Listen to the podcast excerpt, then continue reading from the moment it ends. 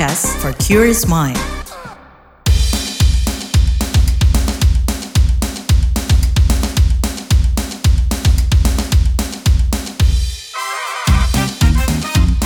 What's Trending KBR Pagi, siaran pagi radio paling update. KBR Pagi, siaran pagi radio paling update. Selamat pagi, apa kabar kalian semuanya di hari Rabu 7 Juni 2023? Kembali lagi saya Don Brady menjadi teman pagi hari kalian semuanya di What's Trending KBR Pagi pastinya. Jadi seorang anak berusia 15 tahun itu menjadi korban kejahatan seksual di Kabupaten Parigi, Motong, Sulawesi Tengah. Tindakan keji itu dilakukan 11 orang pelaku terhadap korban anak R dalam waktu dan lokasi yang berbeda-beda. Berdasarkan hasil penyelidikan, polisi menetapkan 11 tersangka, termasuk seorang anggota Polri, seorang kepala desa, dan seorang guru SD. Namun ada pernyataan Kepala Kepolisian Daerah Sulawesi Tengah Agus Nugroho yang menuai kontroversi. Ia menyebut kasus yang menimpa anak R di Parigi Motong bukan termasuk pemerkosaan. Dalam konferensi pers pekan lalu, Kapolda Sulawesi Tengah memilih menggunakan diksi persetubuhan anak di bawah umur ketimbang pemerkosaan. Agus beralasan tidak ada unsur kekerasan maupun ancaman dalam kasus tersebut. Nah, siapa pun yang mendapatkan atau mengetahui adanya tindak pelecehan hingga kekerasan seksual bisa mengakses layanan dari Kementerian Pemberdayaan Perempuan dan Perlindungan Anak di hotline Sahabat Perempuan dan Anak 129 atau WhatsApp 08 111 129 129. Kita bahas lebih lanjut tapi setelah komentar netizen plus 62 berikut ini.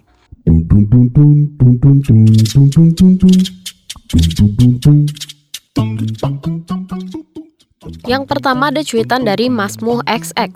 Kalau cuma mencari kosakata agar hukum jadi lemah, ya nanti makin menggerus rasa percaya rakyat kepada polisi. Ed Buyung XX. Apa pun alasannya, itu adalah bentuk kejahatan terhadap anak-anak di bawah umur dan melanggar undang-undang di Indonesia. Wajib dihukum, bukan dicarikan pembenaran atau pembelaan. Halo KPAI, apa kabar? Tunjukkan keadilan terhadap anak-anak korban pelecehan, jangan pandang latar belakang keluarga korban, anak pejabat atau rakyat jelata. Lalu cuitan Ed Sabda XX, masuk TPKS harus diusut tuntas tas-tas. Soal kasus persetubuhan ABG 15 tahun di Parimo, Dirjen HAM menilai pemerkosaan atau persetubuhan terhadap anak merupakan perbuatan keji. Lalu ada cuitan Ed Halu XX, Persetubuhan dengan anak adalah pemerkosaan karena anak belum mateng decision makingnya, karena otak mereka emang masih underdeveloped. Fakta ini juga yang melandasi semua hukum yang menyangkut anak. Sebagai orang dewasa, tugas kita untuk selalu mengawasi dan membimbing, bukan malah menyesatkan. At Alnil XX Rahim korban sampai harus diangkat. Persetubuhan di bawah umur sudah jelas anak gadis ini dibohongi karena masih di bawah umur. Di bawah umur woi itu pemerkosaan. Terakhir ada cuitan at IVXX. Anak di bawah umur yang melakukan persetubuhan sama orang yang umurnya jauh di atas dia itu namanya pemerkosaan, Pak. Mau pakai dibeliin hadiah kek, tetap aja namanya perkosaan kecuali dia cukup umur, Pak, bukan di bawah umur. What's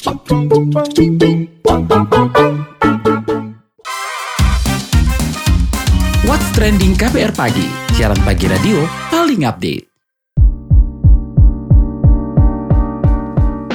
Kita lanjutkan obrolan kita pagi ini. Jadi Kepala Kepolisian Daerah Sulawesi Tengah Agus Nugroho menyebut kasus yang menimpa anak R di Paringi Mutong bukan termasuk pemerkosaan tetapi persetubuhan anak. Apa alasannya? Kita simak penuturannya berikut ini.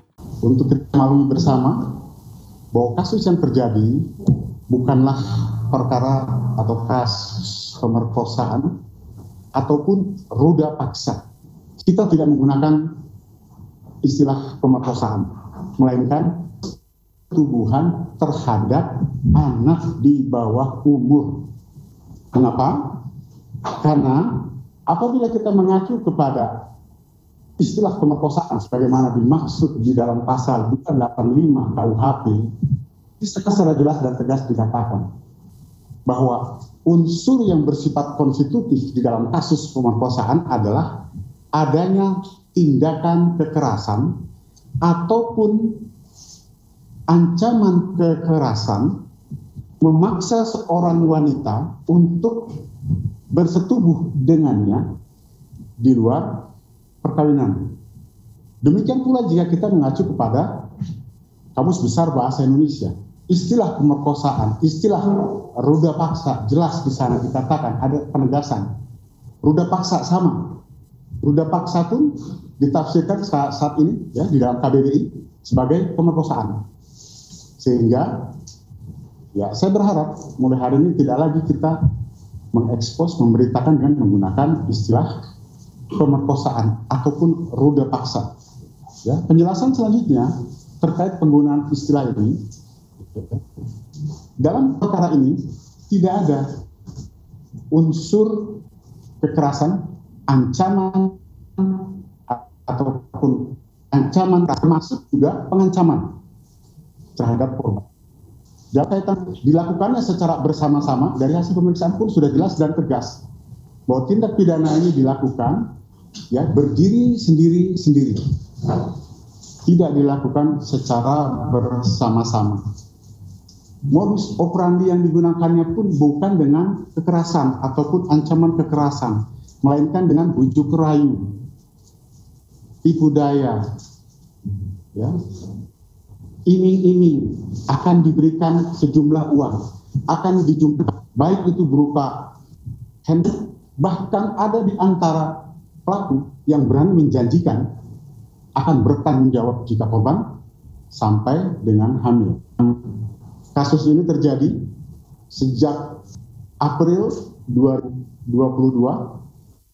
Januari 2023 dan dilakukan di tempat yang berbeda-beda dan waktu yang berbeda-beda dilakukan secara berdiri sendiri ya tidak bersamaan oleh sebelas pelaku. Soal ini anggota Komisi Bidang Hukum di DPR RI dari Partai Demokrat Santoso menilai kepolisian harus menyampaikan informasi jelas terkait penggunaan diksi dalam kasus yang menimpa remaja R ini. Berikut penuturannya. Statement persetubuhan ini harusnya nggak perlu tidak boleh disampaikan ke publik Kenapa? Karena anak ini kan masih kecil. Apakah pantas disebut persetubuhan? Kurang tepat. Pasal yang sangkakan kepada para pelaku harus dimaksimalkan dan jangan ada lagi statement bahwa ini persetubuhan sehingga tidak menimbulkan adanya pelanggaran tindak pidana di situ. Sementara itu, sembilan organisasi pemerhati perempuan dan anak membentuk satu gerakan perempuan bersatu, memberikan dukungan kepada korban R yang saat ini masih menjalani perawatan di Rumah Sakit Umum Daerah Undata Palu. Dukungan itu berupa aksi doa bersama hingga penggalangan dana. Juru bicara Gerakan Perempuan Bersatu Nur Lela Lama Situju juga meminta agar jangan ada penghakiman negatif pada korban yang saat ini berjuang untuk sakit dan keadilan hukumnya. Berikut penuturannya. Kita berharap bersama-sama seluruh masyarakat Sulawesi Tengah dan Indonesia kejadian-kejadian seperti ini sering sekali berulang karena kekerasan terhadap perempuan terutama kekerasan terhadap uh, anak ini sering kali terabaikan. Sering kali kita lupa bahwa perlindungan terhadap anak adalah hal utama yang harus terus untuk kita kampanyekan, yang harus terus untuk kita juangkan sampai hari ini. Karena situasi kita di Sulawesi Tengah tidak baik-baik saja terhadap kekerasan seksual kepada anak di daerah ini. Karena itu kami berharap kepada siapa pun Anda yang ada di luar sana, mari bergandengan tangan untuk memastikan bahwa kasus serupa seperti yang dialami oleh adik R ini tidak akan berulang di masa yang akan datang. Sekali lagi kami berharap tidak ada penghakiman bagi adik ini apa pun yang terjadi kepadanya. Kita berharap kerja semua pihak secara kolaboratif bekerja bersama-sama aparat keamanan, teman Peksos, teman pendamping di PP uh, eh, apa unit PPA dan seluruh uh, bupati, wali kota, gubernur dan Komnas HAM, Komnas Perempuan, LPSK, KP, KPAI bersama-sama kita untuk memastikan kasus kasus-kasus seperti ini ditangani dan tidak berulang di masa yang akan datang. Hanya dengan ditanganilah ada penghukuman bagi pelaku lah, kemudian memastikan bahwa ada efek jerah bagi pelaku dan ada uh, kepastian keadilan dan kebenaran bagi korban. Newsbeat. Arab Saudi menyiapkan dana 500 miliar dolar Amerika Serikat atau setara 7.500 triliun rupiah untuk pembangunan di Pulau Sindalah, kota Niom. Rencananya Saudi akan membangun hotel mewah hingga surga belanja di pulau tersebut. Besarnya biaya pembangunan ini pun disebut-sebut menjadi pembangunan pulau paling ambisius di Timur Tengah. Pembangunan Pulau Surga di Pulau Sindalah, kota Niom, Arab Saudi, adalah bagian dari rencana pembangunan putra mahkota Mohammed bin Salman. Rencananya proyek ini akan dibuka mulai tahun depan, di mana para tamu dapat menikmati kemewahan kapal pesiar kelas dunia di pulau tersebut. Rak buku Tiongkok kini telah hadir di Universitas Aljazair mulai pekan ini sebagai wujud kerjasama pendidikan sekaligus pertukaran budaya antara Tiongkok dan juga Aljazair. Dilansir Antara News, rak buku Tiongkok ini terdiri dari 460 buku yang dicetak dalam bahasa Arab, Prancis, dan Inggris. Isinya mencakup aspek politik, ekonomi, sosial, dan budaya Tiongkok. Rektor Universitas Aljazair I Fares Mokhtari menyebut, rak buku tersebut sebagai jembatan pengetahuan dan budaya untuk memperkuat hubungan bilateral yang kokoh antara Tiongkok dan Aljazair. Personel termuda BTS Jungkook akhirnya mengungkap rencana perilisan album solo pertamanya. Sontak kabar ini disambut dan membuat heboh para penggemar BTS yang kerap disapa ARMY. Melansir di Korea Herald, rencana album solo Mangne BTS diluncurkan pada 14 Juni 2023, di mana salah satu lagunya berbahasa Inggris. Agensi dari BTS sendiri mengaku akan segera mengumumkan rencana debut solo Jungkook BTS setelah rencananya terkonfirmasi. Jungkook BTS menjadi member ke-6 yang telah menelurkan karya solonya setelah J-Hope, Jin, RM, Jimin, dan Suga.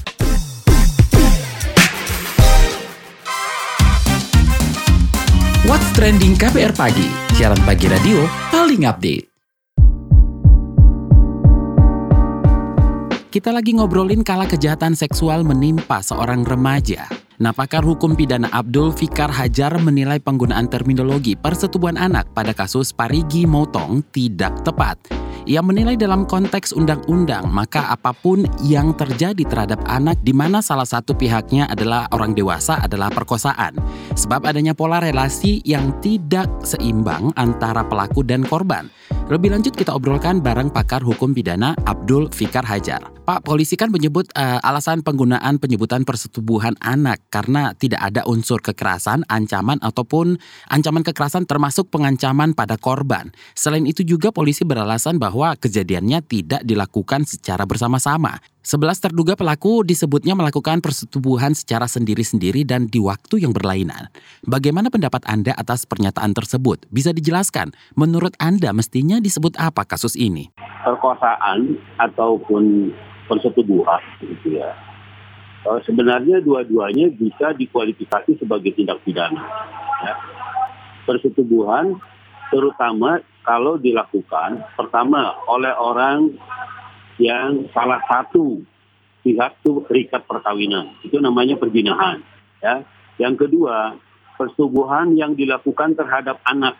Nah, kalau persetubuhan yang dilakukan terhadap anak itu sama dengan pemerkosaan sebenarnya.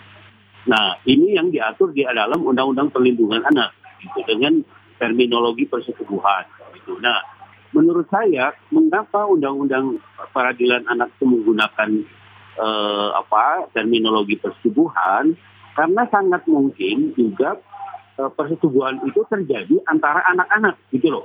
Maksud saya yang tidak ada orang dewasanya gitu. Eh, salah satunya, tetapi dua-duanya masih dikategorikan anak-anak. Tetapi kalau eh, salah satu adalah orang dewasa, terutama yang laki-laki, eh, maka menurut saya penggunaan terminologi persetubuhan itu tidak tidak tepat. Gitu. Karena apa? Karena pola relasi antara orang dewasa dan anak-anak, terutama anak-anak yang perempuan, ya, itu pasti tidak seimbang. Gitu. Pasti tidak seimbang karena apa? Karena ada tadi pola hubungan yang menekan gitu, ya. Menekan itu bisa dalam bentuk fisik, bisa ben dalam bentuk fisikis, ya, dan bisa juga dalam bentuk ekonomis. Gitu. Nah, jadi yang namanya penekanan itu tidak terbatas pada penekanan fisik. Gitu. Nah karena itu sangat mungkin, umpamanya eh, terhadap anak itu ditekan dengan iming-iming. Gitu. Sebenarnya itu bentuk penekanan. Gitu. Tetapi eh, karena yang satunya anak-anak, yang satunya dewasa sudah mengerti, jadi umpamanya dengan rayuan atau dengan iming-iming atau dengan janji atau dengan apa. Nah karena itu Undang-Undang Perlindungan Anak tetap mengkategorikan itu sebagai tindak pidana. Gitu. Ya, perbedaan terminologi antara perkosaan dengan persetubuhan. Kalau di perkosaan itu pasti terdapat kekerasannya, gitu. Terdapat upaya uh, apa kekerasannya untuk terjadinya satu hubungan. Tetapi di dalam uh, persetubuhan itu terkandung makna juga ada ada konsen, ada kesepakatan antara para pihak. Ya, ada ada rayuan, ada apa segala macam gitu. Tapi tetap itu tadi saya bilang dalam konteks undang-undang perlindungan anak, maka apa pun yang terjadi terhadap anak, salah satu pihaknya adalah orang dewasa, itu menurut saya perkosaan. Karena itu ada pola relasi yang tidak seimbang. Karena itu sangat mungkin terjadi penekanan itu tadi, fisik, psikis, maupun ekonomis umpamanya, seperti itu. Tapi apakah ada konsekuensi dengan pemilihan diksi seperti ini? Apakah berdampak terhadap hukuman yang bakal dijatuhkan kepada pelaku? Lalu undang-undang dan hukuman apa yang mesti yang dikenakan kepada para pelaku? Iya, kalau menurut saya polisi harus berlapis me me menut, mendakwanya, ya menyangkanya atau mendakwanya itu harus berlapis. Di samping dengan undang-undang pelindungan anak juga dengan KUHP. Karena itu kemudian tidak melulu penggunaan istilah persetubuhan saja yang di, yang dikedepankan. Seolah-olah ada kesepakatan. Tetapi juga menonjolkan adanya kekerasan ya dalam pola relasi yang eh, terjadi antara pelaku dengan anak-anak yang masih ya, apa anak-anak yang yang umpamanya seperti itu. Nah karena itu akan ada, ada akan ada pengaruhnya terhadap penegakan hukumnya.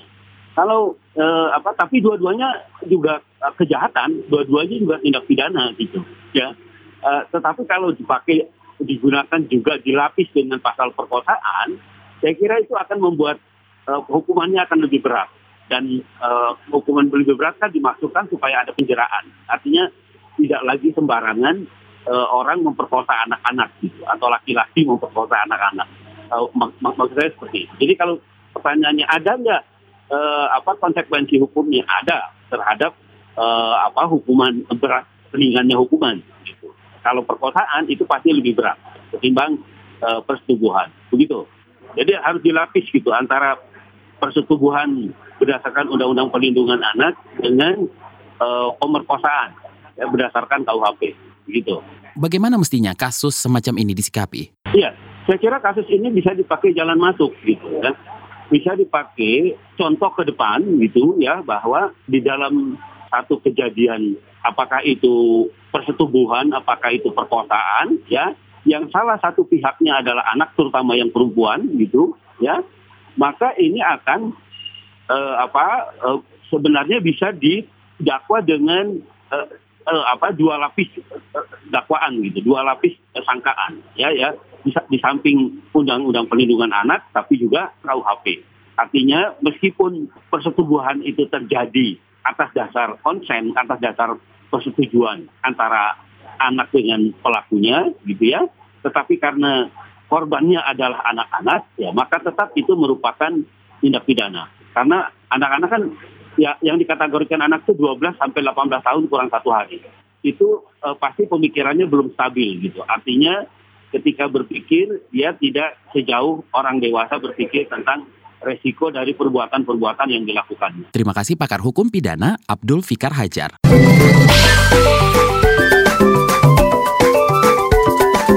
WhatsApp Indonesia. WhatsApp Indonesia dimulai dari Yogyakarta, Polda DIY melalui Direktorat Reserse Kriminal Umum. Di Treskrimum berhasil mengungkap kasus tindak pidana terhadap 11 orang di bawah umur di Kalasan Kabupaten Sleman. DIY Para korban merupakan anak berusia rata-rata 5-10 tahun untuk dicabuli dalam kurun waktu 2020 sampai 2023. Direktur Reskrimum Polda DIY Kombes Pol Neredi Irwansyah Putra mengatakan, pelaku yang merupakan pensiunan pendidik itu menggunakan modus iming-iming uang jajan ataupun memberikan buah-buahan kepada para korban yang sebagian merupakan tetangga sendiri. Nuredi menyebut dengan iming-iming itulah para korban mau diajak untuk ke rumahnya sehingga pelaku bebas melancarkan aksinya. Nuredi menjelaskan pelaku dijerat dengan Undang-Undang Perlindungan Anak. Komisi Perlindungan Anak Daerah KPAD Sleman Maya Silam menambahkan, Kasus ini merupakan kasus yang terjadi kesekian kalinya di Kabupaten Sleman yang ia tangani. Pihaknya mengapresiasi pemerintah di Kabupaten Sleman dan aparat kepolisian yang bergerak cepat menangani kasus tersebut. Kepala DP 3AP2KB Kabupaten Sleman, Wildan Solihin menyebut ia mengutuk perilaku tersebut dengan prihatin atas kejadian yang menimpa anak-anak di bawah umur. Ia berharap pelaku dapat dijatuhi hukuman yang setimpal agar memberikan efek jerah. Wildan menjelaskan pihaknya akan memberikan pendampingan kepada korban dan keluarga korban. Untuk mengantisipasi terjadinya kembali kasus serupa, Wildan akan menghidupkan kembali lembaga atau institusi yang telah dibentuk sejak tahun 2014, yakni Perlindungan Anak Terpadu Berbasis Masyarakat yang ada di setiap kelurahan dan padukuhan. Selanjutnya kita ke Solo, Saudara Universitas 11 Maret UNS Solo mengolah seluruh sampah yang dihasilkannya. Kepala Pusat Penelitian Lingkungan Hidup PPLH UNS, Prof. Pranoto mengatakan sampah padat cair maupun gas yang dihasilkan di kampus diolah untuk dimanfaatkan kembali. Menurut Pranoto, kampus UNS Solo telah melakukan berbagai riset berorientasi lingkungan hidup berkelanjutan. Ia menyebut sampah padat berupa dedaunan atau organik akan diolah Fakultas Pertanian menjadi kompos. Kemudian limbah atau sampah plastik diubah menjadi BBM sejenis Pertalite di FMIPA. Sedangkan kantin kampus telah memanfaatkan biogas. Kata Pranoto, sekitar 10 ton sampah dihasilkan dari berbagai kegiatan kampus setiap hari. Pranoto juga menjelaskan setiap dua pekan sekali, kampus menerapkan hari bebas emisi dengan melarang kendaraan bermesin memasuki komplek kampus. Sekitar akademika mulai dari dosen, mahasiswa hingga karyawan wajib berjalan kaki saat aturan tersebut diberlakukan setiap hari Jumat. Kini kampus ini menyatakan diri sebagai Green Campus. Terakhir mampir Jakarta, pemerintah bakal menguncurkan bonus pada para atlet dan ofisial tim peraih medali SEA Games 2023. Total bonus yang diberikan pemerintah mencapai 289 miliar rupiah. Presiden Joko Widodo berpesan kepada atlet SEA Games agar bonus tersebut digunakan untuk investasi jangka panjang. Jokowi juga mengapresiasi pencapaian medali kontingen Indonesia di SEA Games Kamboja. Kata Jokowi, perolehan 87 medali emas telah melampaui target yang ia berikan. Besaran bonus tiap atlet peraih medali SEA Games 2023 bervariasi. Untuk peraih medali emas, perorangan bakal mendapat 525 juta rupiah, perak mendapat 315 juta rupiah, serta perunggu 157 juta rupiah. Demikian WhatsApp Indonesia hari ini.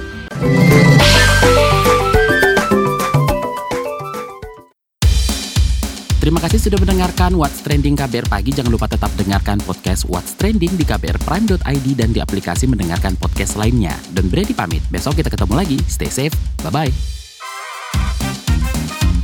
What's Trending KBR Pagi, siaran pagi radio paling update.